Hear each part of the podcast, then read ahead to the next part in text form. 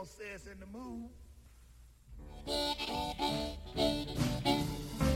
A lista negra con Eduardo Herrero.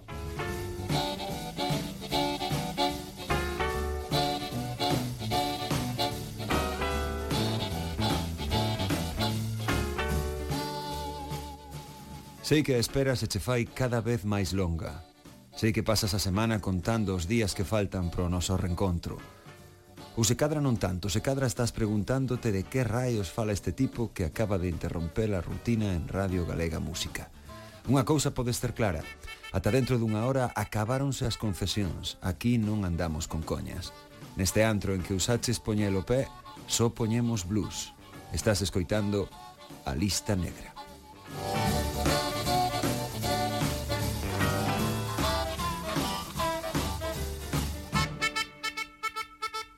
Son Eduardo Herrero. Este episodio que vas poder recuperar en Radio Galega Podcast, iVoox ou Spotify imos yo dedicar a unha muller devota e vital a partes iguais. A Deus rogando e comazo dando. Se cadra non escoitaras falar dela, pero hoxe na lista negra escribe o seu nome unha muller fora de serie, cunha importancia capital na historia da música dos últimos 100 anos. A madriña do rock and roll, quen puidese preguntarlle por ela a Chuck Berry a gran impulsora das mensaxes do gospel a través do blues, Sister Rosetta Tharpe. Isto é blues. Isto é a lista negra.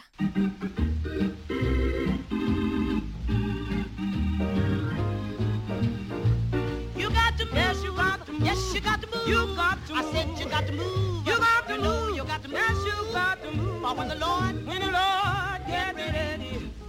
I do.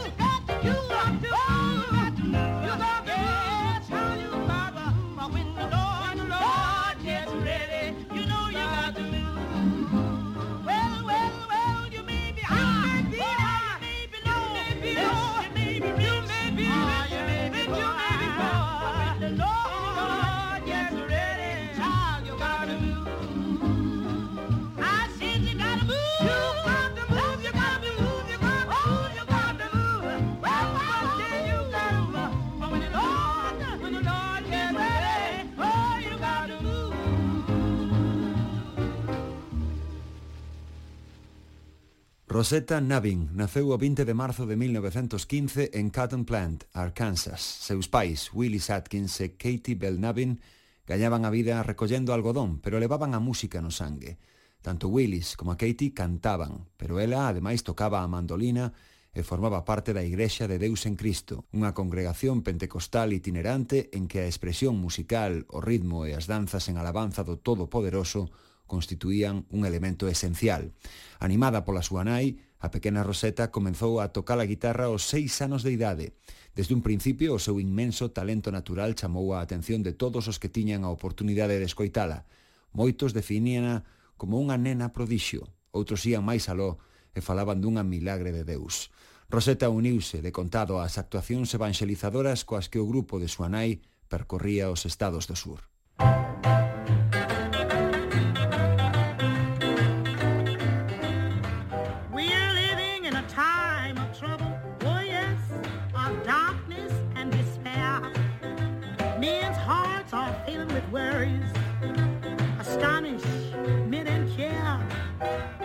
Let God take your hand.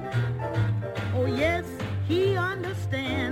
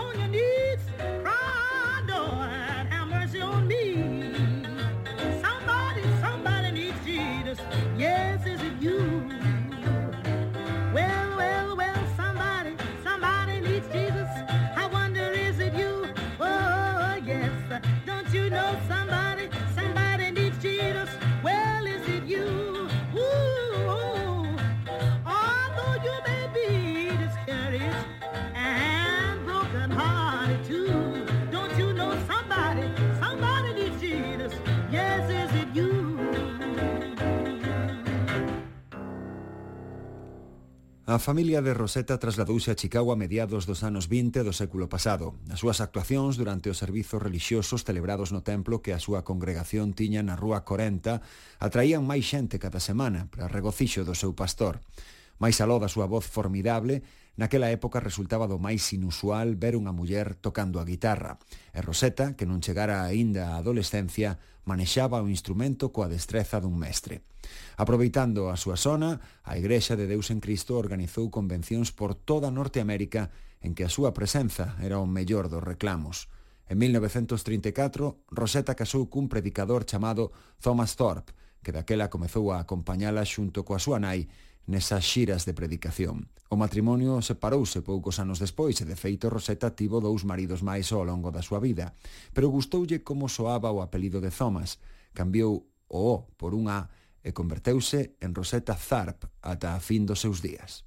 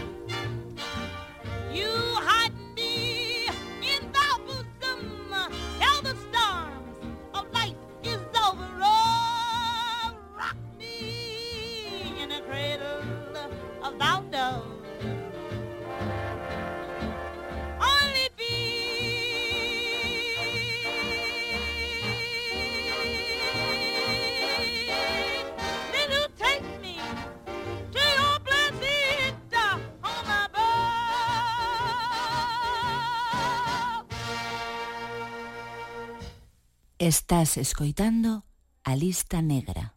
Rosetta Tharpe gañou a pulso o sobrenome de Sister, irmá en inglés. Non era monxa, pero valeuse da música, e máis en concreto da súa mestura de gospel e blues, para predicar a palabra de Deus ao longo de toda a súa carreira artística.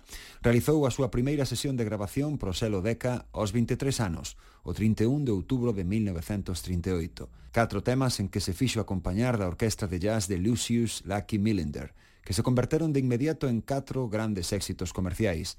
Existe Rosetta comezou a soar polas emisoras de radio que escoitaban mozos que acabarían seguindo, cando menos en certo modo, o seu camiño.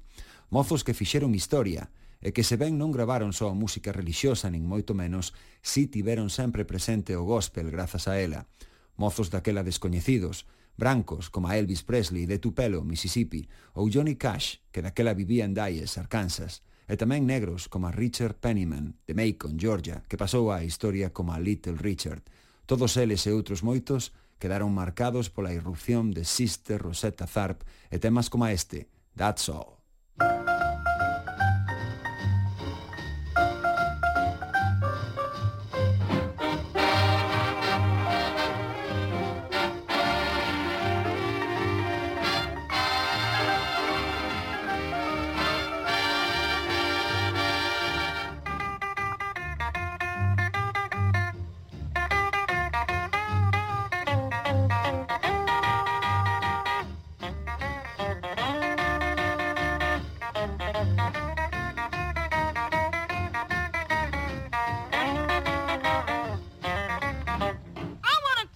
To the natural facts that a man don't understand that Bible right, and that's all. That's all. I just tell you that's all. That's all. That's all. But they better have religion now. I tell you that's all. Now when you see people jump from church to church, you know that that conversion don't amount to much, and that's all. That's all.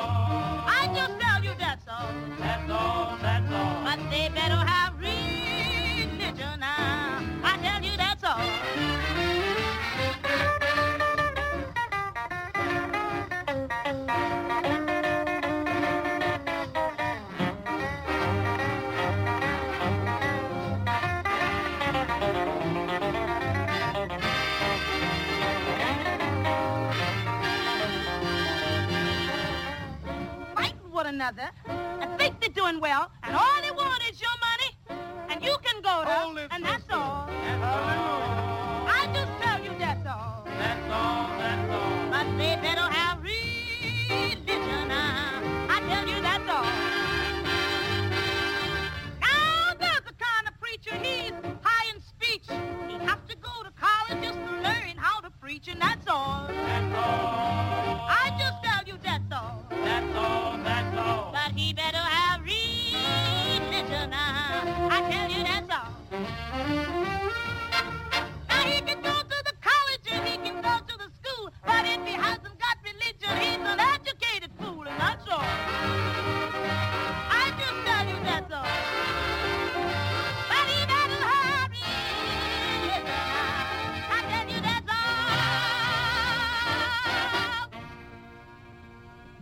Seguimos na lista negra, hoxe repasando a traxectoria de Sister Rosetta Tharpe, cuxo éxito arrollador provocou reaccións de todo tipo.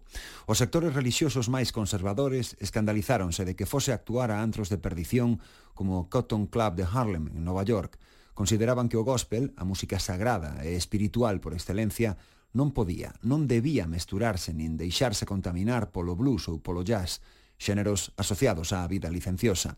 Porén, o común da xente reaccionou con entusiasmo a aquela proposta artística sen precedentes.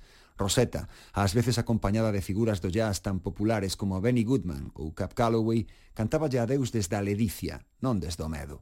A súa mensaxe era esperanzadora pros crentes e absolutamente inofensiva pros que non o eran e a iso había que sumar a súa impoñente posta en escena.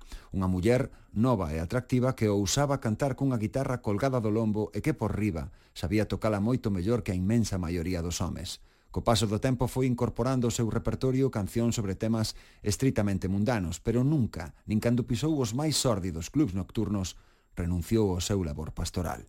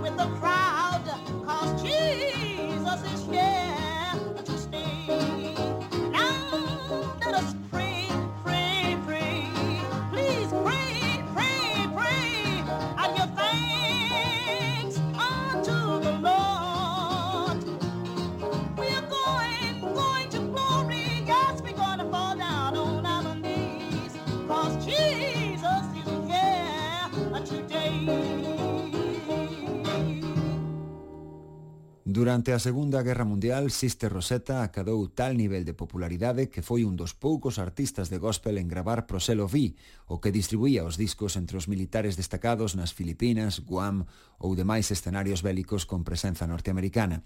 En 1943, Rosetta valorou volver centrarse en exclusiva na música espiritual, pero os contratos que asinara aínda estaban vixentes e obrigaban a gravar tamén material, digamos, mundano.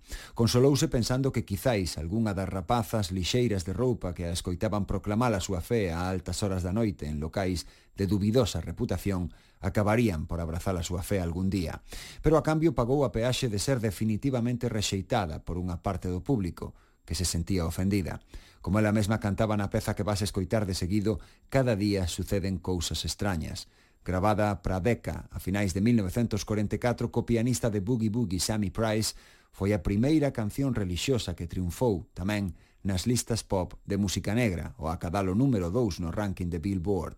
Ademais, está considerada a precursora directa do rock and roll, cando non directamente a primeira grabación adscrita a ese xénero. En calquera dos casos, son 2 minutos e 45 segundos que cambiaron a historia. Strange things happen every day.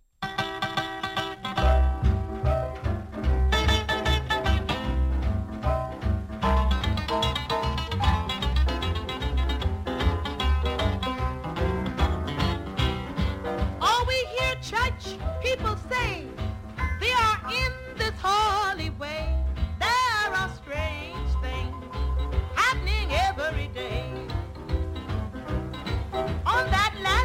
Judgment day, when they drive them all away, there are strange things happening every day. Every day.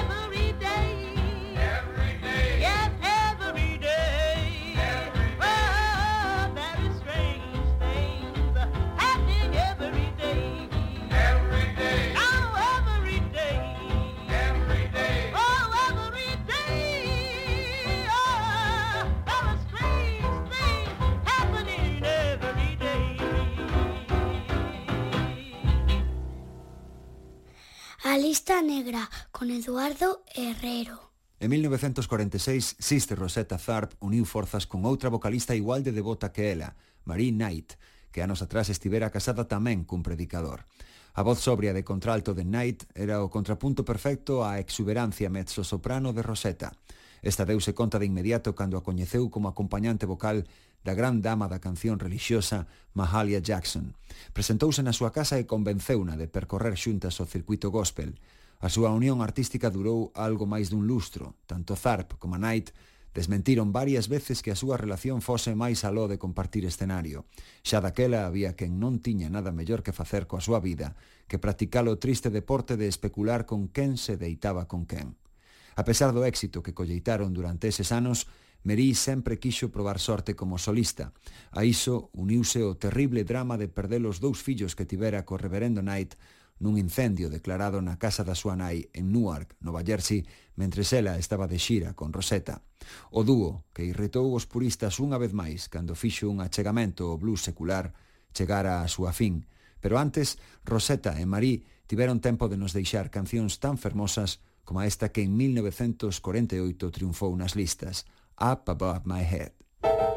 Thank you.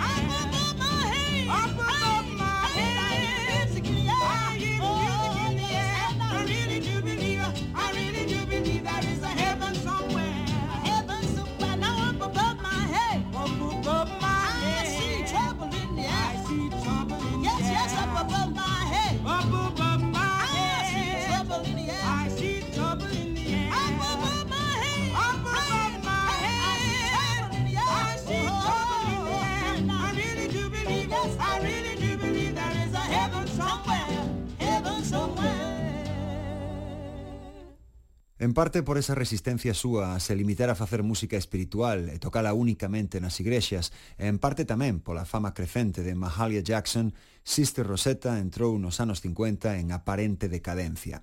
O feito de reducir e espaciar máis no tempo os seus recitais tampouco a axudou a recuperar a popularidade perdida. Por iso, non é de extrañar que a canción que vas escoitar de seguido pasara case desapercibida. E iso que ten unha importancia histórica considerable. Trátase do primeiro dueto interracial da música popular estadounidense, algo que hoxe pode parecernos completamente normal, pero que na posguerra mundial non o era en absoluto. O compañeiro de Rosetta na grabación foi Clyde Red Foley, un respetado e exitoso cantante country daquela época, orixinario de Kentucky, ao que tampouco lle importaba en absoluto facerlles un oco ás mensaxes cristiás nas súas cancións. De feito, Foley vendeu máis dun millón de copias coa súa versión do clásico Peace in the Valley, que anos máis tarde Elvis inmortalizaría en directo no programa de televisión de Ed Sullivan. O tema que Sister Rosetta e Red Foley registraron xuntos aló por 1952 levaba por título Ten unha breve charla con Xesús. Have a little talk with Jesus. Now won't you have a little talk with Jesus and just tell him all about your trouble. He will hear your faithful cry. He will answer by and by. When you feel a little prayer will turning, then you know a little fire is burning. You will find a little talk with Jesus makes it right. I was a wandering child, I wandered from the fold till I heard my Savior call me in a song. I fell on my knees in prayer and Jesus met me there. And just a little talk with Jesus made me whole. Now won't you have a little talk with Jesus and just tell him all about your troubles. He will hear your faithful cry. He will answer by and by. Feel a little prayer will turning, then you know a little fire is burning. You will find a little talk with Jesus makes it right.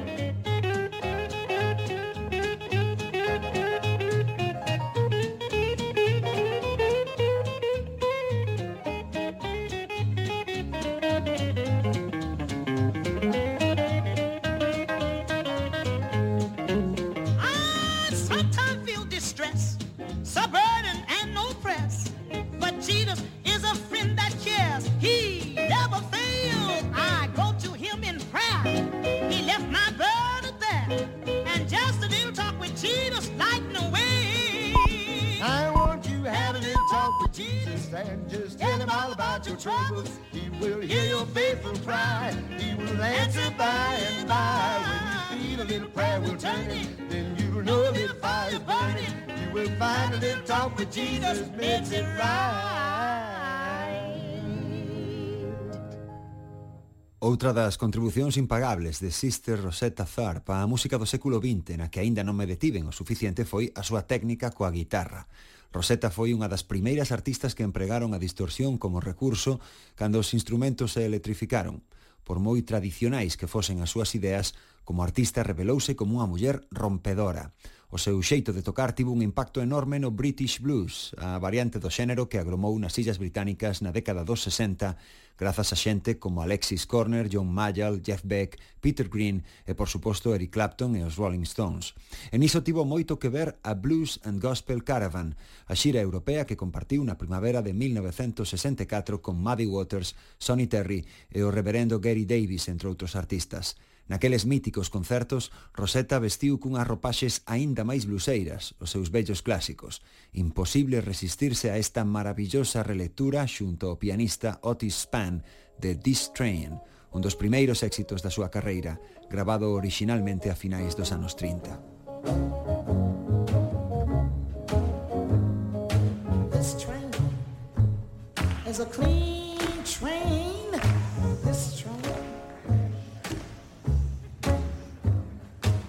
This train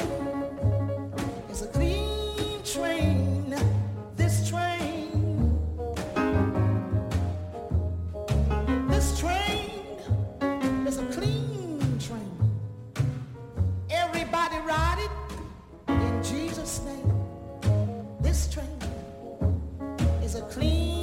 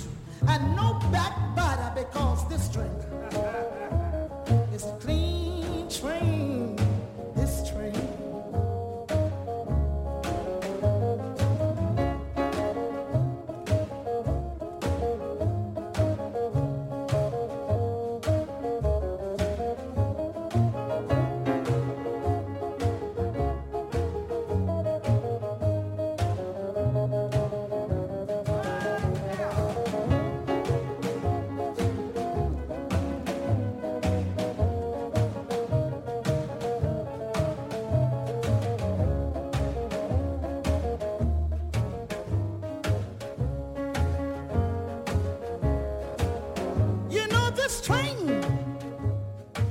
don't pull no wankers. This train, uh-uh. I said this train don't pull no wankers. This train. No, no, no, no, no, no, no, no, no, no. This train don't pull no wankers, no crap shooter, and no whiskey drinkers. It's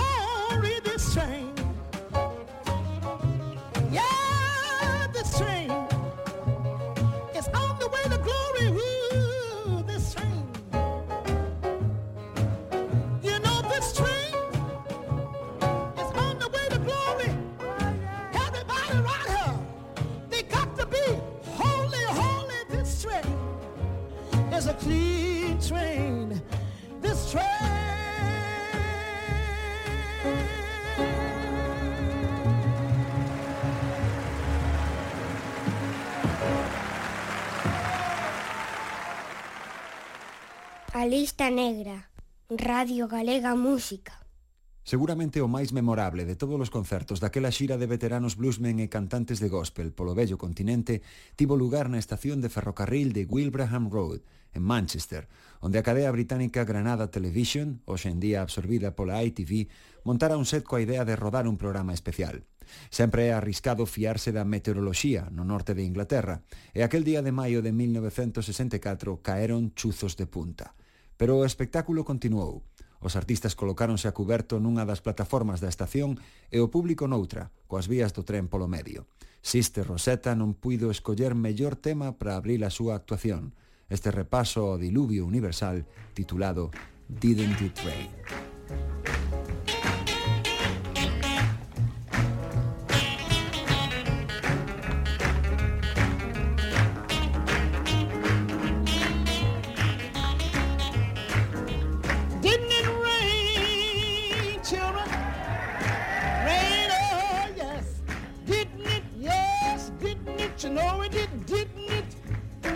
Oh, yes, how it rained. I said it children. Rain, yes. Didn't it? Yes, didn't it? You know it did, didn't it? Oh my Lord, how it. You know it rained 40 days, rained 40 nights. To make my garment fit me right. I get to heaven,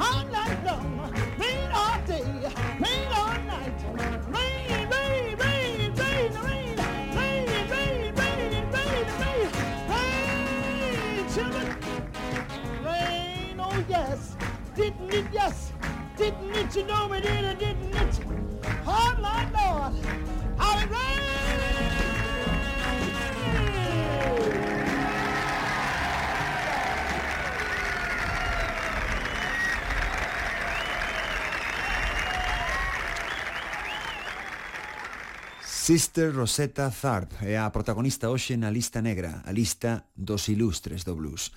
En 1970, un infarto afastouna dos escenarios. Complicacións posteriores coa diabetes que padecía causáronlle a amputación dunha perna. O 9 de outubro de 1973, na véspera dunha sesión de grabación que tiña programada en Filadelfia, outro infarto acabou definitivamente coa súa vida. Foi soterrada no cemiterio Northwood da cidade. 25 anos despois, En 1998, o Servizo Postal dos Estados Unidos emitiu un selo conmemorativo na súa memoria.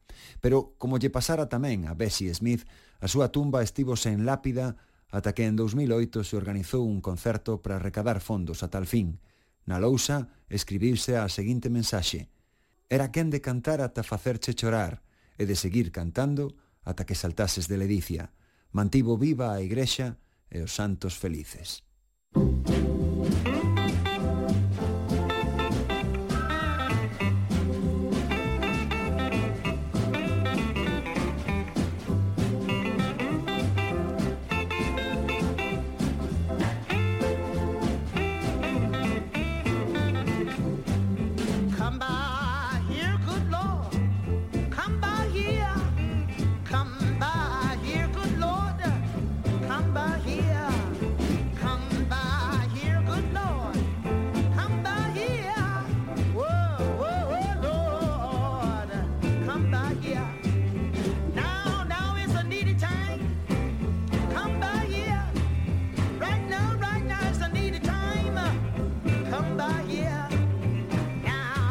a needy time.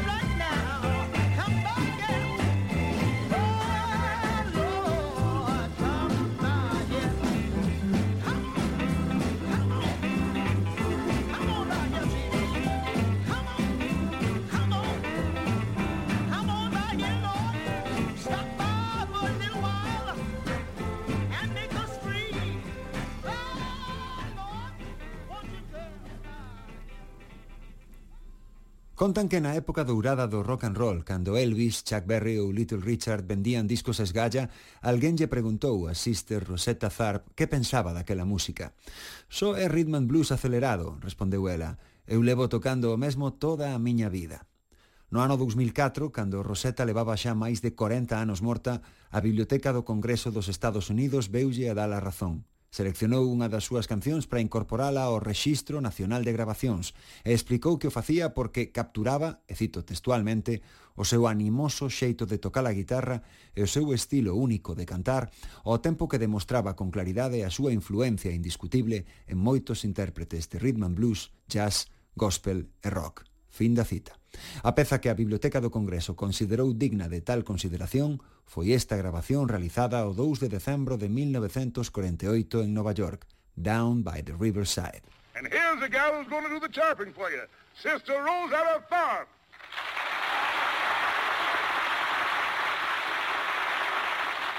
Sister Tharp, say hello to Joe way, way out there. Hello, Joe. Way, way out there. and what are you going to sing, sister? Down by the riverside. Well, start digging the decibels, darling.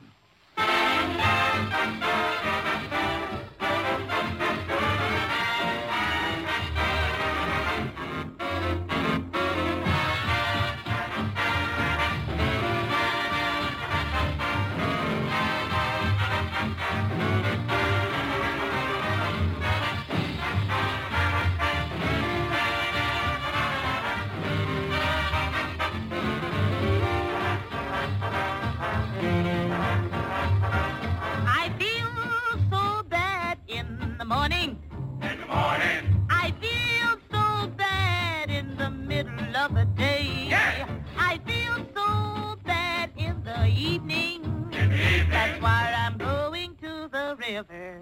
Wash my sins away. I'm going to lay down my heavy load. Down by the riverside. Down by the riverside.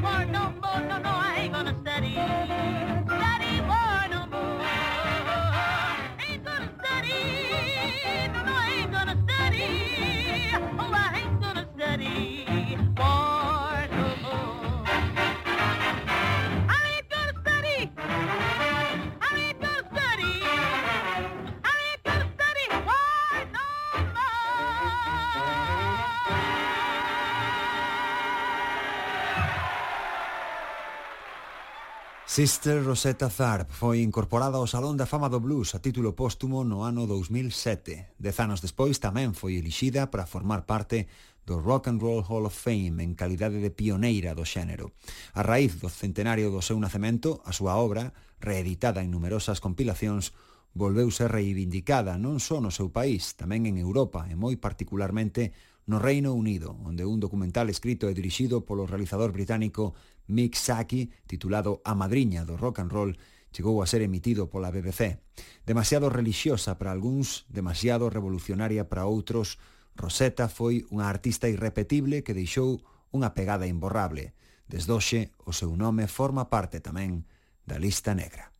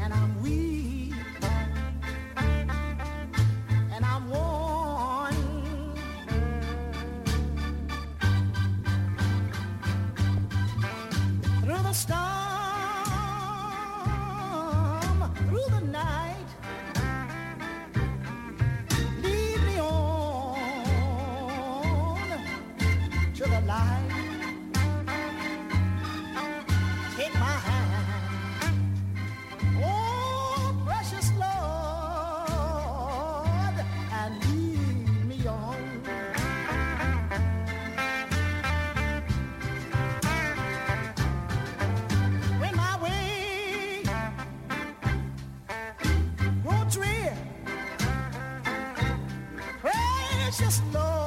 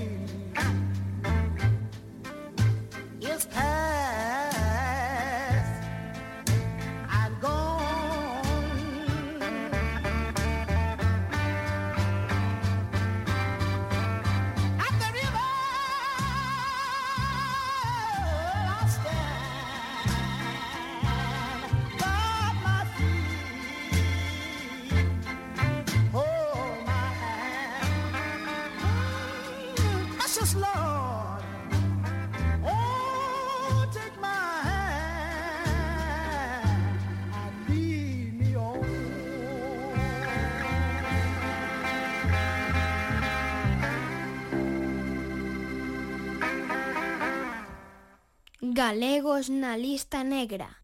Chamo Adrián Costa, son guitarrista cantante de blues, nacido en Santiago de Compostela. A canción que escollín para a lista negra é unha balada de Jimmy Witherspoon, porque as baladas na radio sonan cunha maxa especial. Quero facer un pequeno homenaxe dende aquí aos meus amigos en California, especialmente os que están tocando nesta canción comigo, a Chris Burns, a Dennis Duff e Kid Anderson. Esta canción chamase Congratulations. Congratulations. I had to leave you, baby. But the best of friends must part. Oh, thought to leave you. I love you from the start. But now it's plain see I'm not the one you love.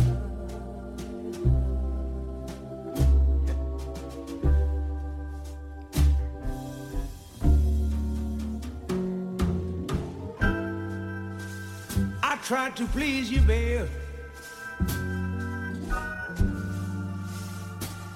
But you couldn't be satisfied. That to please you. I sacrificed my pride. But now it's plain to see.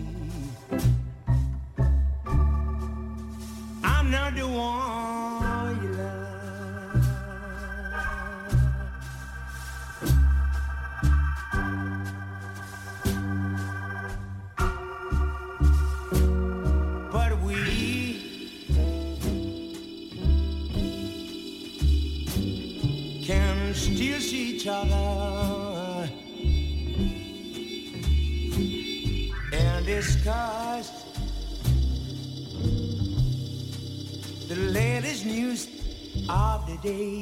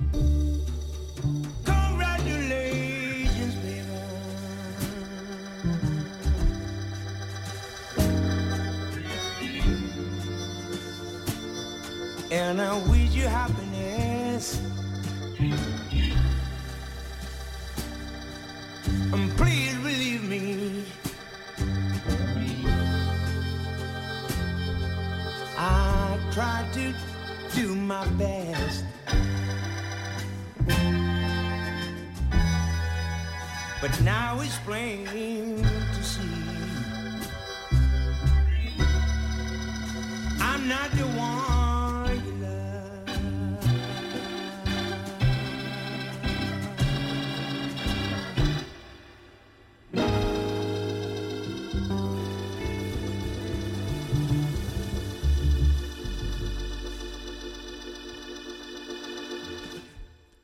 Sempre hai un oco pro blues galego na lista negra, hoxe con Adrián Costa, membro fundador dos míticos Reyes del Cao.